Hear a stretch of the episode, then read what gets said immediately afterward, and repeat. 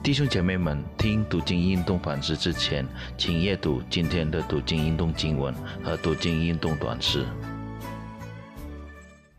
各位弟兄姐妹，大家平安。我们感谢主，给我们这一段的时间来到主的面前，呃，领受他的话语。还没有思想上帝的话语之前，让我们一起来到主的面前祷告。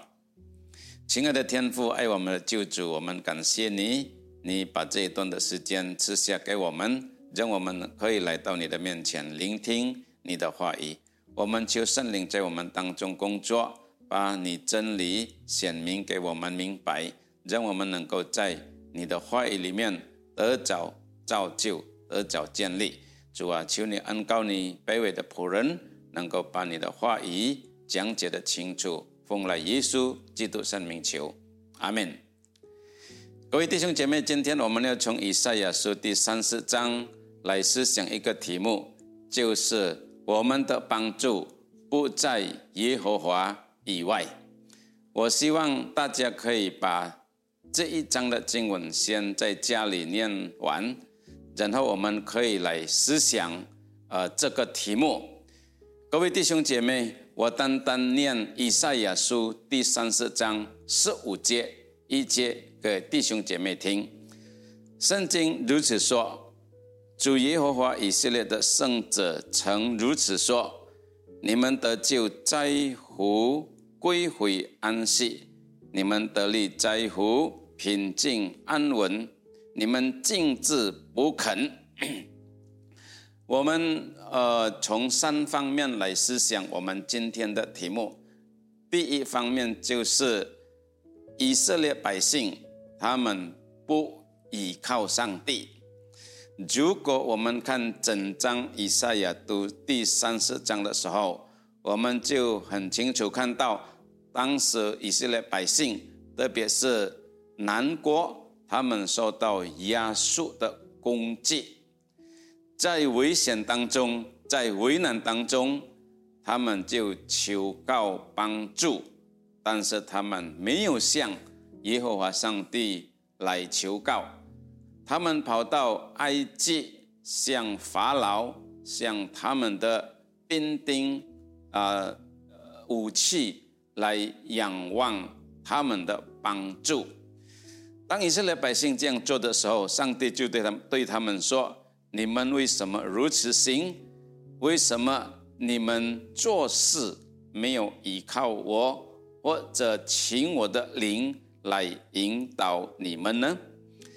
这这这个是当时以色列呃百姓的错过，而且上帝看为一个很严重的罪过，因为他们没有依赖上帝，他们没有把他们的生命交在上帝的手中，但是他们依靠人，他们依靠法老，他们依靠埃及，所以上帝就很严重的。责备他们，而且对他们说：“永远埃及不能够帮助你们，永远法老也是不能够帮助你们，因为真正的帮助不是从人而来的，真正的力量也是不是从人而来的。”我们是想第二点，上帝的呼吁就是归回安息，平静安稳。当以色列百姓离开上帝很远的时候，求告帮助是从埃及来的帮助，不是从耶和华来的帮助，所以上帝就很大声的呼吁他们：你们要归回，你们要平静等候耶和华，因为你们得救是在乎归回安息，你们得力是在乎。平静安稳，这个什么意思呢？归回安息的意思，就是要归回给上帝，还有愿意悔改，离开过去的行为，没有依靠上帝这种的心态，都要把它放下，要转向全心。依靠上帝，这个是所谓归回安息的地方。耶和华说：“当你真的归回，在他里面求安息的时候呢，你就能够真正得着救恩，得着上帝的帮助。还有，上帝说：你们得力是在乎平静安稳。什么意思？平静安稳呢？就是说，要等候上帝的时间，心里要平静，不要靠着怒气行事，不要按照私意做一些的决定。但是，我们要安静在主的面前，等候上帝的时间，等候上帝的带领。我们相信上帝的时间一定不会差错的。上帝的恩典一定会足够我们使用，所以因此耶和华就对他们说：“你们要平静下来，要安稳，你们的心要放在耶和华的身上，那个就你们能够得力脱离各种的危难。”最后一点我们要学习的，耶和华上帝是我们的拯救，也是我们的力量。特别今天我们要靠近圣诞节的气氛，我们知道耶和华上帝是唯一我们的救主，因为他差遣了耶稣基督来到这个世界。耶稣基督寻找我们，把上帝的大能恩典显明给我们看，而且他在十字架上做成伟大救恩的工作，所以他是我们。唯一的救主，也是救恩，都在他里面。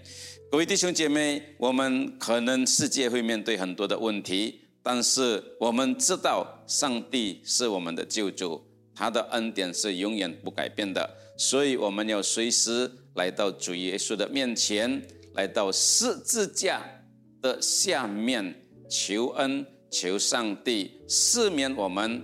看顾保守我们，拯救我们。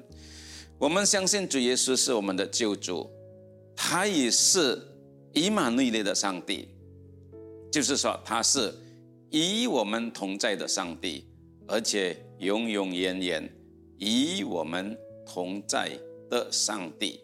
无论今天他与我们同在，来生永远他都与我们同在。主耶稣与我们同在的意思是什么呢？意思就是他了解我们生命中的问题，他明白我们心里中的压力挣扎，他都很清楚明白。所以在希伯来书那边告告诉我们，主耶稣基督他曾经成为人，了解人们的问题，无论身体上或者灵命上。所以，他能够成为我们随时的帮助，成为我们随时的力量。他是以马内利的上帝，他明白我们的问题，他愿意帮助我们，而且他有能力来帮助我们。各位弟兄姐妹，如果我们从以色列百姓来看，他们离开上帝，依靠埃及，这个是他们的错误。也是可能我们有的时候在。为难在危险当中会做出这一种的错误，但是今天上帝也要很清楚提醒我们，把我们的心、眼目归回到耶和华上帝、耶稣基督的身上，他是我们的力量，他是我们的帮助。今天你所面对的问题是什么？可能是经济的问题。也许可能是家庭的问题，于是我们看到世界的这个动荡，以色列跟巴勒斯坦的战争还没有完，还有国家里面各种的问题，让你的心觉得不安。在这一种的情形下，上帝说：“你要定睛在我的身上。”归回安息，然后我们就能够得救，平稳，我们就靠着耶稣基督成为我们随时的力量帮助。愿上帝恩待，愿上帝帮助我们。我们低头祷告，亲爱的天父主，我们感谢你。今天你很清楚对我们说，要归回安息，要平静安稳，因为救恩、力量、帮助、恩典是从你而来，而且透过耶稣基督，你要随时与我们同在。给我们恩典，给我们力量，听我们祷告，奉来耶稣基督圣名求，阿门。